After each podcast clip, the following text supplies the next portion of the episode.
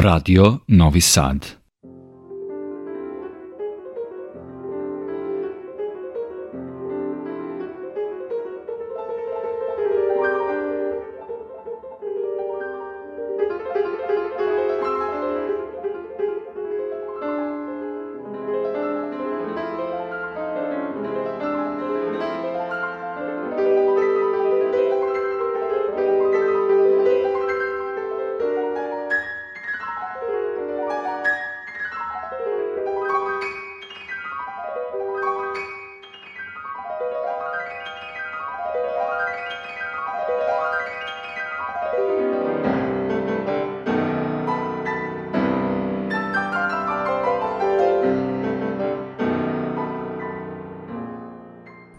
Poštovani slušalci. Vi pratite program Radio Novog Sada i još jedno izdanje emisije Vox Humana. Moje ime je Boško Buta. Kao što smo ustalili, a vi na to već navikli, naša emisija koncipirana je tako da stvari, ljude, događaje, fenomene, običaje, pokušamo da prikažemo iz jedne donekle izmeštene vizure, da ih približimo, da ih sagledamo iznutra, često posežemo za dekonstrukcijom stereotipa da uvedemo i vas kao slušalce i nas koji se bavimo proučavanjem ove materije zapravo u jednu priliku gde bi stvari sagledali možda malo jasnije. Svojevremeno smo simbolično i možda čak i komično, ali vrlo spontano jedan broj naših emisija, koje sada već dve godine funkcionišu, nazvali ciklusom posvećenim uspešnim ženama. Ja ne znam kako nam se to dogodilo da nismo ranije odradili, ali sa neskrivenim zadovoljstvom ja ću vam predstaviti vašu i moju večerašnju gošću, profesorku Marinu Milić Radović, moju koleginicu, dugogodišnju pijanistkinju profesora na Akademiji umetnosti u Novom Sadu, ali ovoga puta iz opet jedne izmeštene vizure, jednom sasvim drugom svetlu njenih preogromnih, širokih interesovanja. Marina, dobroveče, dobrodošla u program Radio Novog Sada. Dobroveče i bolje vas našla. Ti si zapravo u svojoj kući, ja to moram i ne mogu da zatajim, svoje vremeno, a nije da neću da kažem, nego se stvarno ne sjećam, pre puno decenija mi smo tako slično do duše u staroj zgradi radija, da. sedeli i uživo pravili neke programske celine i noćne programe, dovodili ljude, diskutovali, pričali o umetničkoj muzici. Zahvaljujući tvojim vezama sa Velikom Britanijom, uvek si donosila pregrašt predivnih diskografskih noviteta koje smo predstavljali našim slušalcima i nekako se trudili da budemo uvek korak u napred. Sada jedno vreme nas nije bilo, doduše ja nisam imao puno veze s muzičkim programom, ti si se posvetila nekim drugim stvarima, međutim ono od čega mislim da smo se ogrešili, toliko što smo možda pričali više samo o tebi i o tvojoj izvođačkoj ličnosti koja je neosporna i sjajna, međutim ti se osim izvođaštva, nasuprot nekim od kolega koji su se posvetili samo reproduktivnoj umetnosti i u tome su vrsni i sjajni i preređuju koncerte i tako dalje, pa onda recimo pedagogija koja se spontano na to nadoveže, pa sad imaju već đake, odnosno studente kojima se diče i ti sigurno imaš, nisu se bavili nekim drugim stvarima. Međutim, horizonti tvojih interesovanja, ta lepeza je uvek bila izuzetno široka, a jedna od stvari koju smo eto donekle zapostavili je činjenica da si ti osnivač sada već davne 1991. godine, to je tačno 30 godina, fondacije Laza Kostić. Jeste. I to osnovane u Londonu. U Londonu.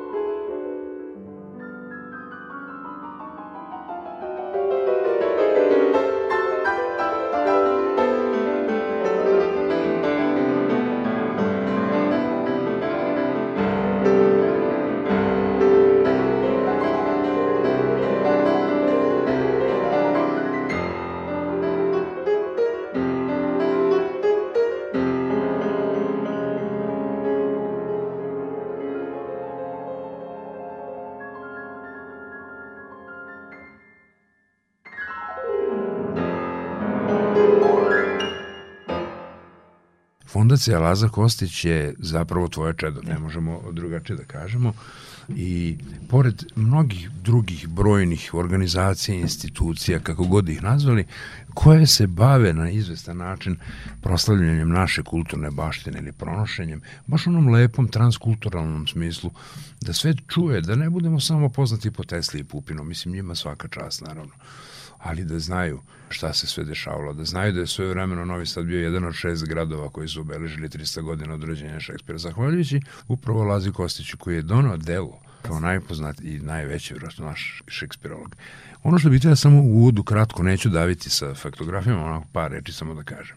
Dakle, u čast poštovanja prema delu Laze Kostića, koji je osim velikog stvaralačkog doprinosa pisanjem svojih remek dela, poput Santa Marije i tako dalje, 50 godina svog života posvetio upravo proučavanju Šekspira i bio prvi srpski šekspirolog.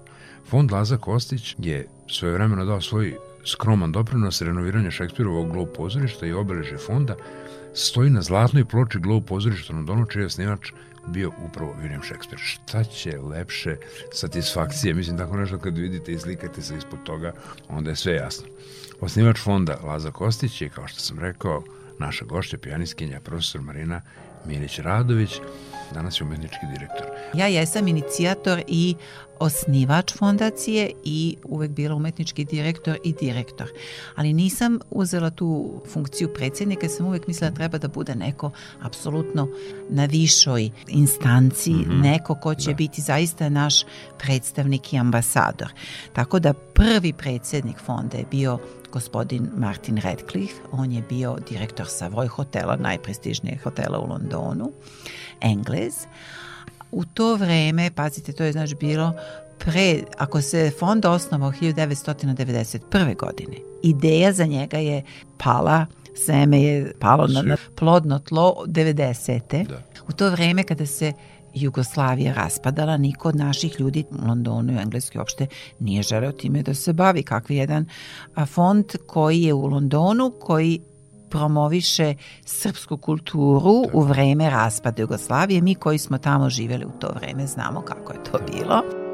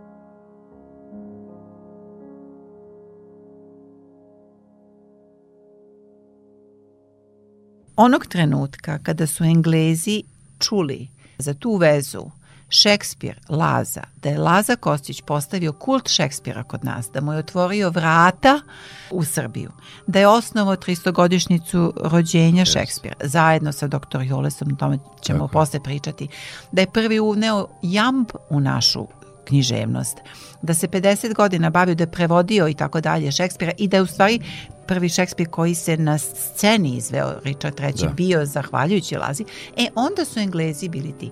To su bili predstavnici aristokratije, to je bila Lady Garland, e, supruga australijanskog ambasadora tadašnjeg, Lady ova, Lady ona, Martin Radcliffe, e, od tada kada su oni prišli tom fondu, onda su se nekako malo skromno ubacili i naši predstavnici i vremenom vremenom i ostali, znači Srbi. Posle toga Đurđe Ninković, ugledan advokat, koji je godinama zastupao i englesku ambasadu kao advokat. On nam je pomogao da registrujemo fondaciju. Posle toga je izuzetno jedan divan, divan period i period gde je naša fondacija došla do vrha kada smo došli do Glob teatra. Od tada je predsjednica bila Snežana Spasović, on je inače farmaceut i od 2013. godine doživotnog Doživotni predsjednika. Imamo gospodina Dragana Kojića, mi smo ga proglasili doživotnog, on je toliko divan i toliko eto to na srcu nosi, a vrlo interesantno što si sam rekao, ništa nije slučajno, ovako, to je sa 30 godina iza.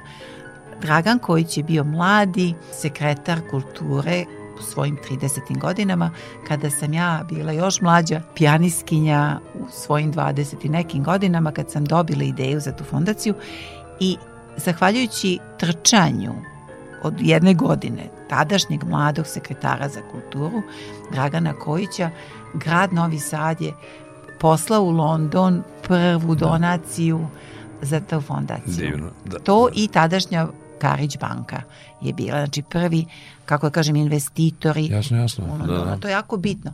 I sad, e, posle 30 godina Dragan Kojić postaje naš predsednik fondacije. Sjajno. To je baš lepo. Ono što je bitno za tu našu fondaciju, koja ima mnogo više entuzijazma i mnogo više ljubavi. Mi nikad nismo imali, ili da kažem, nismo imali para, ali pare nekako dođu. Mi da. imamo projekat, idemo obrnuto. Mi nemamo nikad budžet, ali nekako se završi to da nekoj nuli, pozitivnoj. Da. A ono što je interesantno, i ljudi koji su od pre 30 godina bili, ako oni više nisu živi, njihova deca, naslednici čak. Tako je, tako je. To je to jako interesantno, jako lepo što to nastavlja. Vox Humana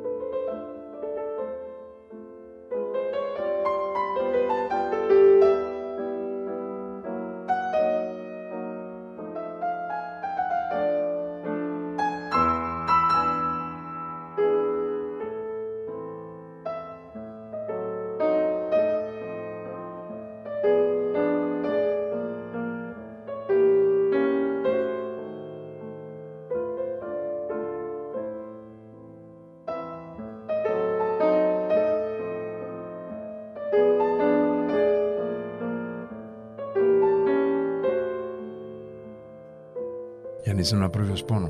Ti si 19, skoro 20 godina, skoro dve 19 decenije. godina sam 19 živela godina, u Londonu, Tako da. je. Najpre kao student Akademije umetnosti u Novom Sadu, e, gde si kod, Kod Timakina. Evgenija Timakina, Evgenija Timakina i Arbo Valdman. Jeste, ja sam diplomirala kod profesora Tako. Valne, ali sam upisala jako rano, sa 15-16 16 godina. Najmlađi zato, u istoriji. U istoriji Akademije najmlađi student, čini mi se. I, ili na Da, da, ali tada je to bilo akademija u osnivanju, bila je Tako mala, je. bila je samo Marina Švili kao violinistkinja, Jest. Evgenija Timakin kao profesor klavira, Oktavija Nigaresku i to je to.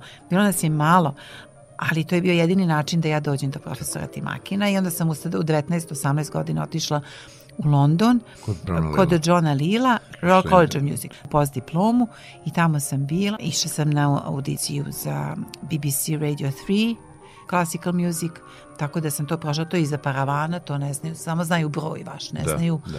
ko svira, Znam samo da se moraju svirati tri dela, dva su klasičnog repertoara, treći koji hoćete. Ja sam treći Da. uzela sonatu Lestu Dušana Radića. Uvek sam žela nešto srpsko. Tako da, je, tako je. Promače, nešto što oni nisu znali. Ne samo zato što je to i moj koren i zato što sam u tome možda najbolja tada bila, zato što sam bila jedina naravno, ali zato što su Englezi uvek imali tu želju da nauče nešto novo. Tamo na Radio 3 imate ljude koji samo slušaju Radio 3 i stalno imaju vrhunske izvođenja raznih simfonija i tako, ali imate i emisije gde se stalno novo nešto plasira, da oni šire vidike, da šire slušanje. Na tom istom BBC-u si kasnije sate i sate muzike snimila. Jesam. I razne diskove. I, I bila urednik, odnosno da, urednik, Prvo sam- komentator, da. kao što si bila i u Radio Novom Sadu, muzičkom programu Radio Novom E, Sadu. ali šta je to bilo? Ja sam bila 18 godina. U to vreme, to je bilo davno. To vreme su bile long playke. Da. To vreme je Dušan Mihalik bio Odgovorni urednik odgovorno, programa. jeste. I ja sam bila prva koja sam išla za London. U to vreme su svi išli za Rusiju. Ja sam mogla da dobijem stipendiju za Rusiju, ali mene, kad sam videla London prvi put, Royal Albert Hall, meni se tako svidela ta atmosfera. Ja sam ja samo žela u London. Ja nisam mogla dobiti stipendiju za London, ali je moj tata prodao imanje u Kovilju, rekao, dobro, ti želiš ili za miras ili tako. Ja sam rekla, evo, ja želim da idem u London. I zaista Sjajno. su se oni potrudili da nije bilo mojih roditelja, ne bi stigla do Londona. Tvoja majka je inače vrsna profesorka i pedagog, sjajno upamćena klavira upravo na akademiji na kojoj ti sad... ali Dušan Mihalek meni kaže, znači sa 18 Ajde godina otišao, to je bilo dve- de- 980. pazite. Nije nikog bilo u Londonu i Dušan meni Mihalek kaže, znaš šta, mi bismo voljeli da imamo interesantne programe i da znamo šta se dešava u svetu. Jel možeš ti meni da praviš emisije i da mi pošalješ programe koji su se dešavali u Londonu? Mogu. U to vreme, znači, ja šaljem rukom pišem izveštaje, ja nisam pojma imala kako se emisije prave i naravno programe šaljem iz Londona. Onda je on mene pitao, pa možda napraviš neki intervju, pa kažem, ajde, pokušat ću. Tada su bile one um, Kasete. kasete Da. kastofoni. Sad ja odem, ja nisam eng- engleski govorila kako treba, ali sam eto htjela, pa sam prvi moj intervju je bio sa, seri, sa Lordom Menjuhinom. Kad sam samo njemu dala da on priča, ali on je bio toliko božanstveni, divan je, pa mi poklonio ploču. Pa onda Sir David Wilcox, koji je tada bio direktor Royal College of Music, isto tako. A on je meni tada poklonio onu Christmas Carols, veliku ploču. Da. Sad je u to vreme. Ja šaljem koju god ploču bih ja dobila sa posvećenim Marini i tako dalje, ja bih to slala poštom u Radio Novi Sad, te velike long playke. S tim što bi meni Mihalek vratio nazad mu izveštaj i onda kaže ovo se ne piše ovako, ovo treba, to treba, Da. radio emisija mora da bude ovakva, onakva, onakva. I onda bi on meni to vratio, znači to je obična pošta. Yes. I ja opet nazad mu vraćam. On je mene tako to se ne kaže online. Da, ne da, znam kako da, bi da. sad to rekli, to on PTT. On je mene na daljinu Ško- učio, školovao, da, da, školovao da, da. kako da budem novinar.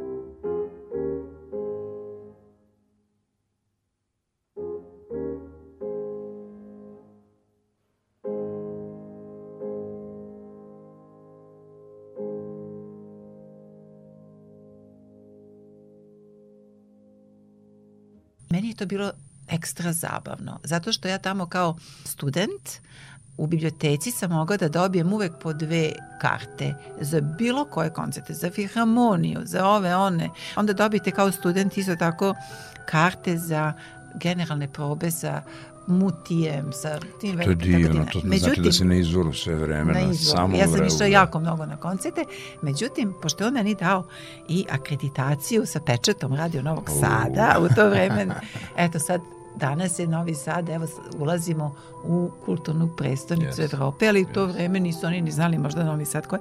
Međutim, imaš akreditaciju sa pečatom, mlada devojka 19-20 godina i ja sam tako mogla da dobijem najbolje karte, znači ne ove studentske, nego dve najbolje karte kao izveštač i onda da mi rezervišu agenti ili ti koncertni promotori za, sa umetnicima kojim ja sam Andraša Šifa intervjusala i tako razli. To se meni osladilo. Me.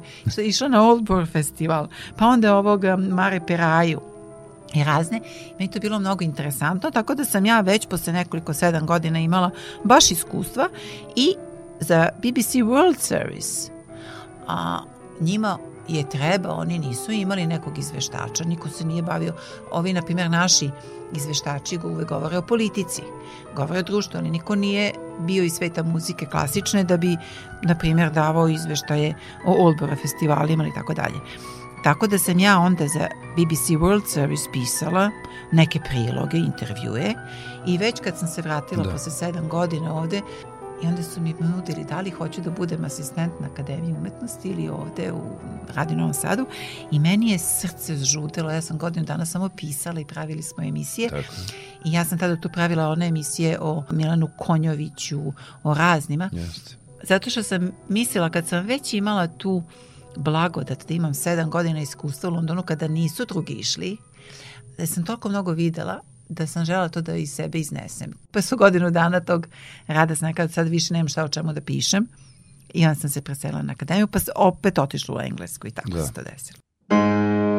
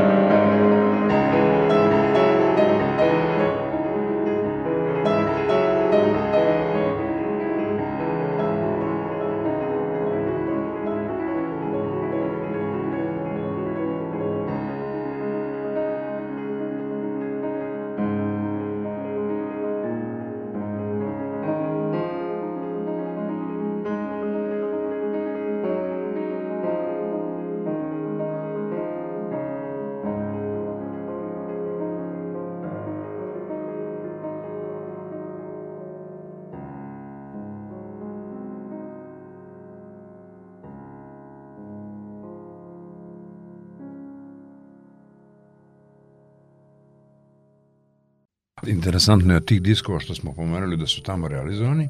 Da. Dva ili bar dva, čini mi se, dve sonate i slovenski klavir je producirao Rick Wakeman, što Rick je onako Wakeman. savršeno. Da, i to je bilo tako nešto neverovatno. Znači, drugi put kad sam otišla u London, već sam tada osnovala fondaciju Laza Kostić, Da. sa 29 godina, odlazim ponovo, ali ja sam otišla u stvari na samo sedam dana.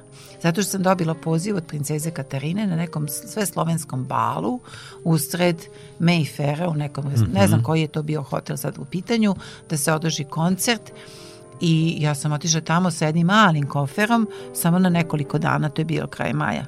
Međutim, kad sam došla na aerodrom, to je bio taj prvi dan kada su bile sankcije stavljene na našu zemlju i taj prvi avion nije poleteo. I onda su meni rekli pa ostani tokom leta, da. pa ćeš da vidjeti. Niko se nije usuđivao da pomisli da će sad to biti sankcije, tolike će biti Tako je. bombardovanje. Znači ja sam slučajno, po znacima navoda, ostala u Londonu preko leta i preko leta meni, ne znam ko je čuo, kaže, hoćeš da snimiš dve ploče sa Rick Wakemanom. A ja nisam ni čula ko je bio. Ja nisam ni znala ko je Rick Nisam Wakeman. slušala jes tada. Nisam, ali posle jesam da bi se uputila. Kažem, po hoću kad bi mi dali. Oni mi dali work permit, imala dve godine radnu dozvolu, dva diska. I sad meni taj Rick Wakeman kad je video, međutim on kad je mene upoznao, prvo što je primetio, ja sam imala neki božanstveni sirogojno džemper, crno-beli, koji su mi roditelji kupili kad su bili na Zlatiboru i on kaže, jao što je božanstveno, ćeš ti to, ja ću da, hoću da kupim to za sve. Međutim, ja to nisam htela ni da poklonim da pogledam, to je meni bilo toliko dragoceno, ali to, to se videla, da kao rasirogon da to nešto tako interesantno za njih. I bilo je jako lepo raditi, ovaj pogotovo Slavonik piano, na kom sam ja u stvari Stularovu kompoziciju Lišće na vetru kao To je prvo. kompozicija kojom smo mi započeli ovu emisiju. Jeste, to je ta, jeste. Tim pre što ove godine obeležavamo 120 godina od rođenja Dušana Stulara, jednog od prvih direktora muzičke škole Sedor Bajić i čovjeka koji je jako mnogo učinio za muzički život našeg grada. I ja sam i tu Stularovu kompoziciju stavila kao prvu. Tako da sam ta dva snimka, a posle toga sam treću Romantic Barok snimila u Londonu i tako je to krenulo čudno.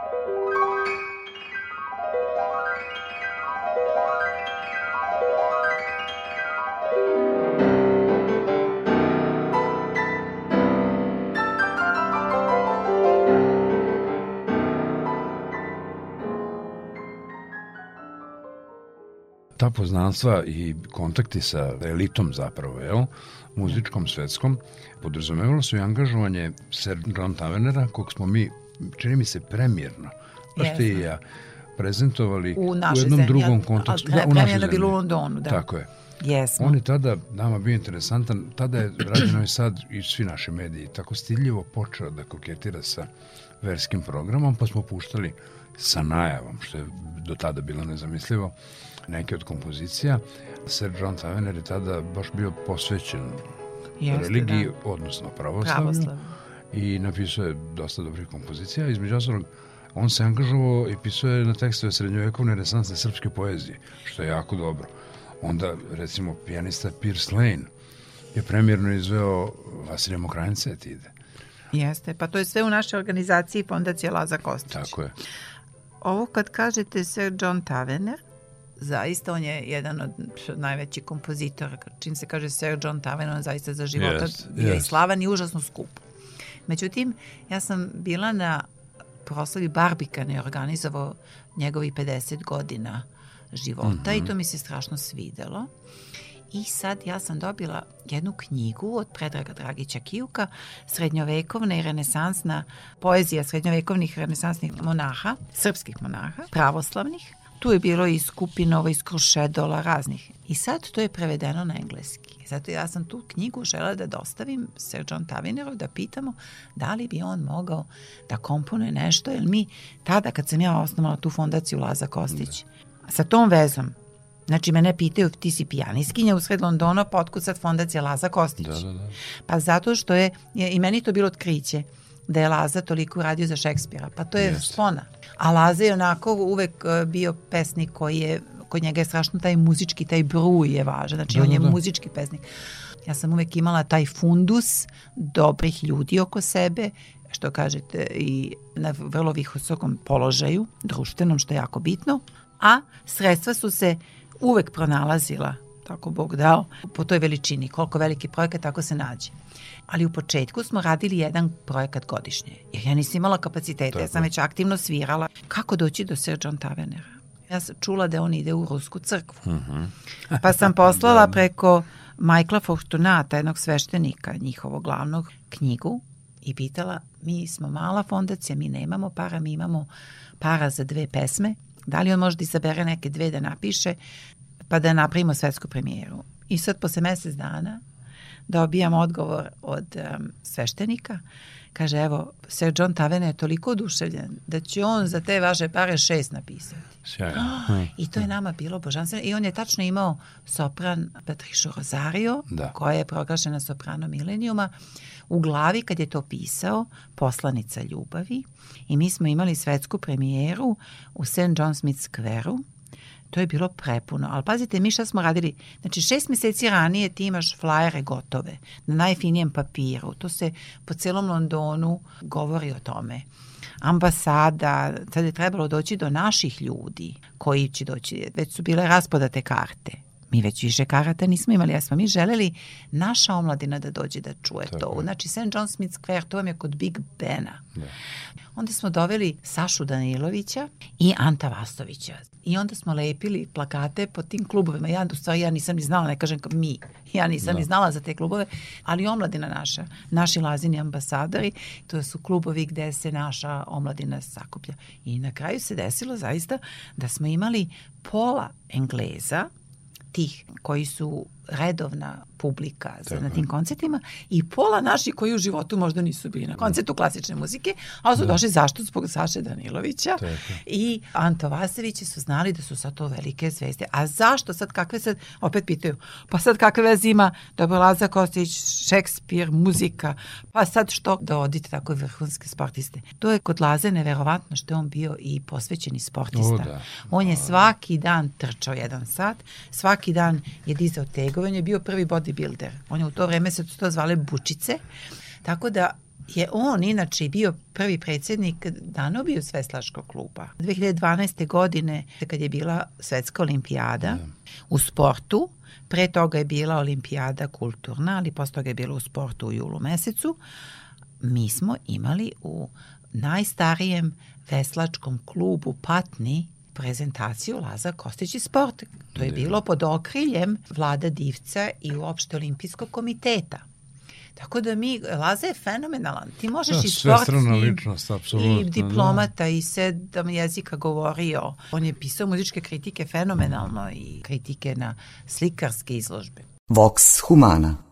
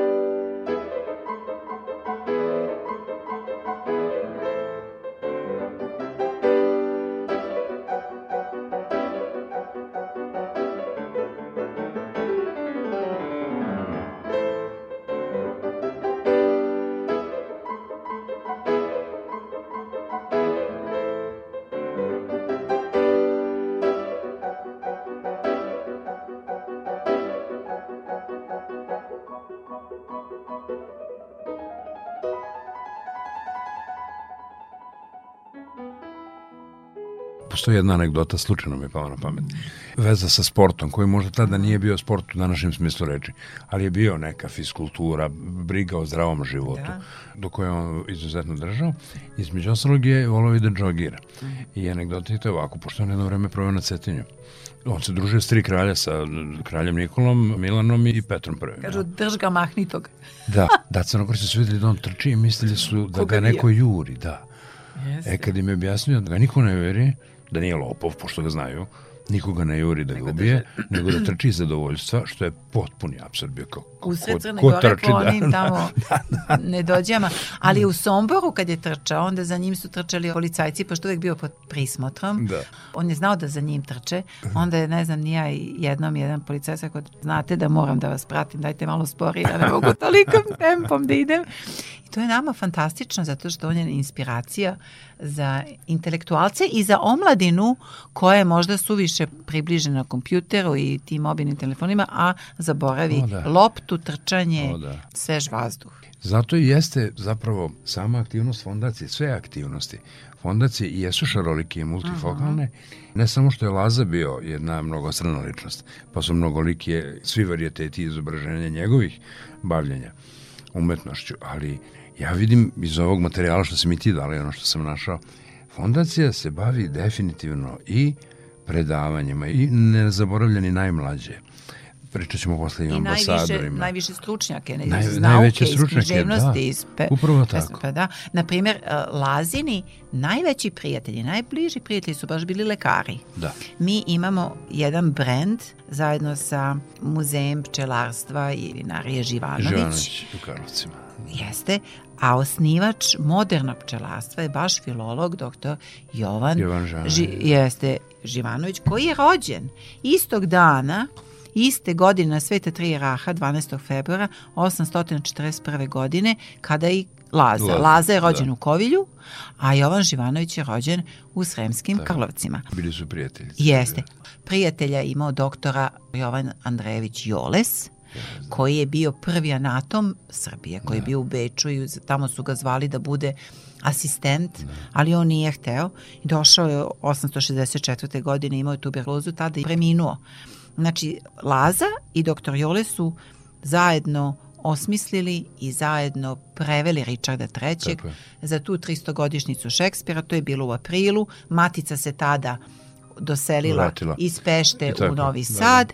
To je bilo u maju i u julu mesecu je već preminuo doktor Joles, ali mi u sećanju na njega imamo taj brand zajedno sa Živanović kućom Dr. Joles Vino, Chardonnay, ovako ekskluzivni naš diplomatski poklon, ali ono što je još važnije, u stvari mnogo važnije, to je da mi u raznim bolnicama unosimo umetnost. To ne bismo mogli bez našeg viteza, profesora doktora Doktor Do, Dankuc. Dragana Dankuca, otorinolaringologa, koji samo jednim pozivom je zaista otvorio nama vrata prvo na onkologiji u Sremskoj kamenici.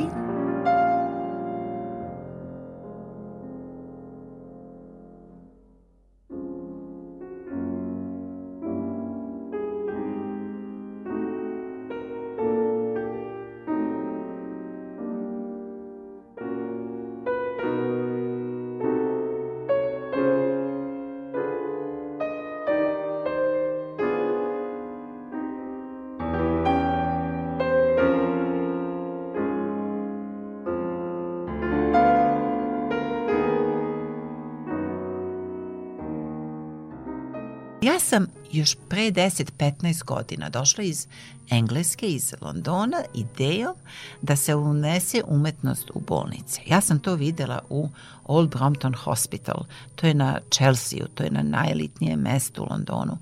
I ja sam jednom prolazila, vidim festival u Old Brompton Hospital, a to vam je bolnica gde su onkološki pacijenti. Znači i oni sa najgorom dijagnozom. Uglavnom, film festival, Sad sam zaboravila koji pijanist, ali vidim Stenway klavir, veliki koncertni, ima program Beethovenove sonate i to već nekoliko dana ide. Ja uđem unutra, vidim, oni su stvari organizovali koncerte za bolesnike da im podignu duh. Prođe deset godina, ja sam pitala našeg viteza, nije on slučajno vitez fondacije, da.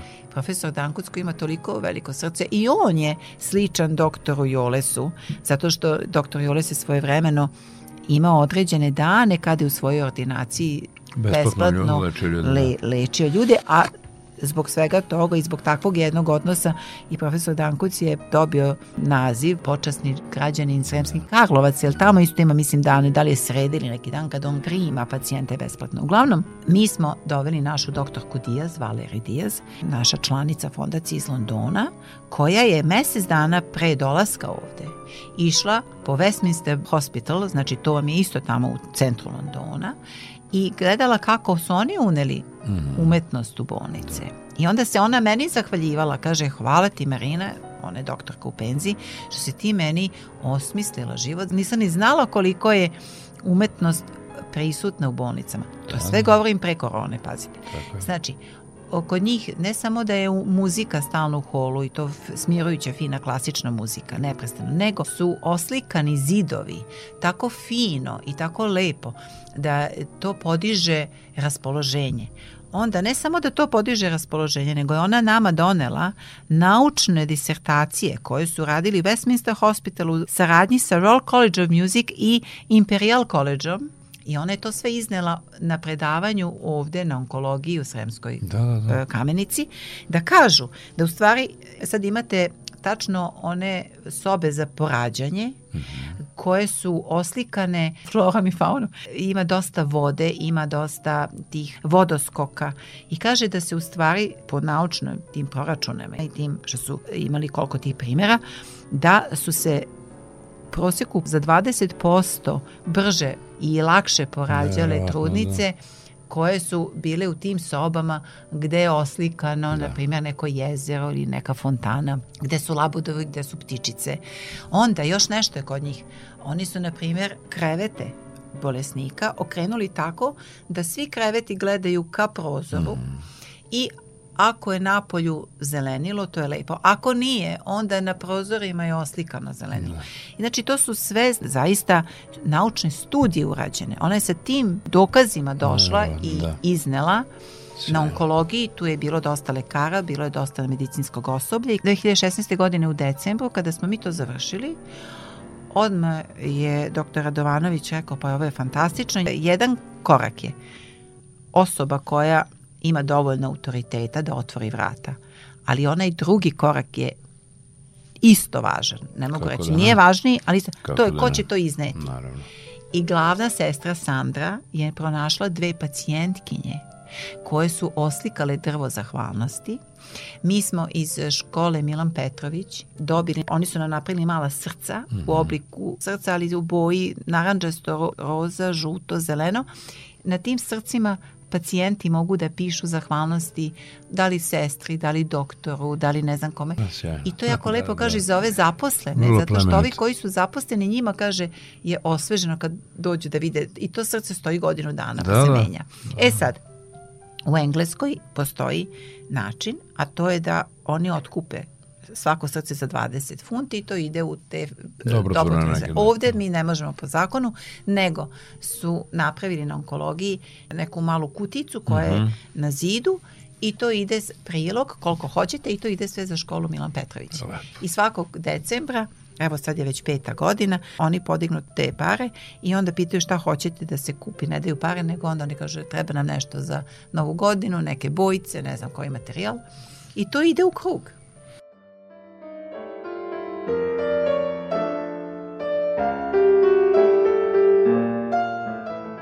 Poštovani slušalci, u proteklih 60 minuta razgovarali smo sa pijanistkinjom Marinom Milić-Radović o njenim i još više aktivnostima njene fondacije Laza Kostić koju je osnovala 1991. godine, sad već davne, u Londonu.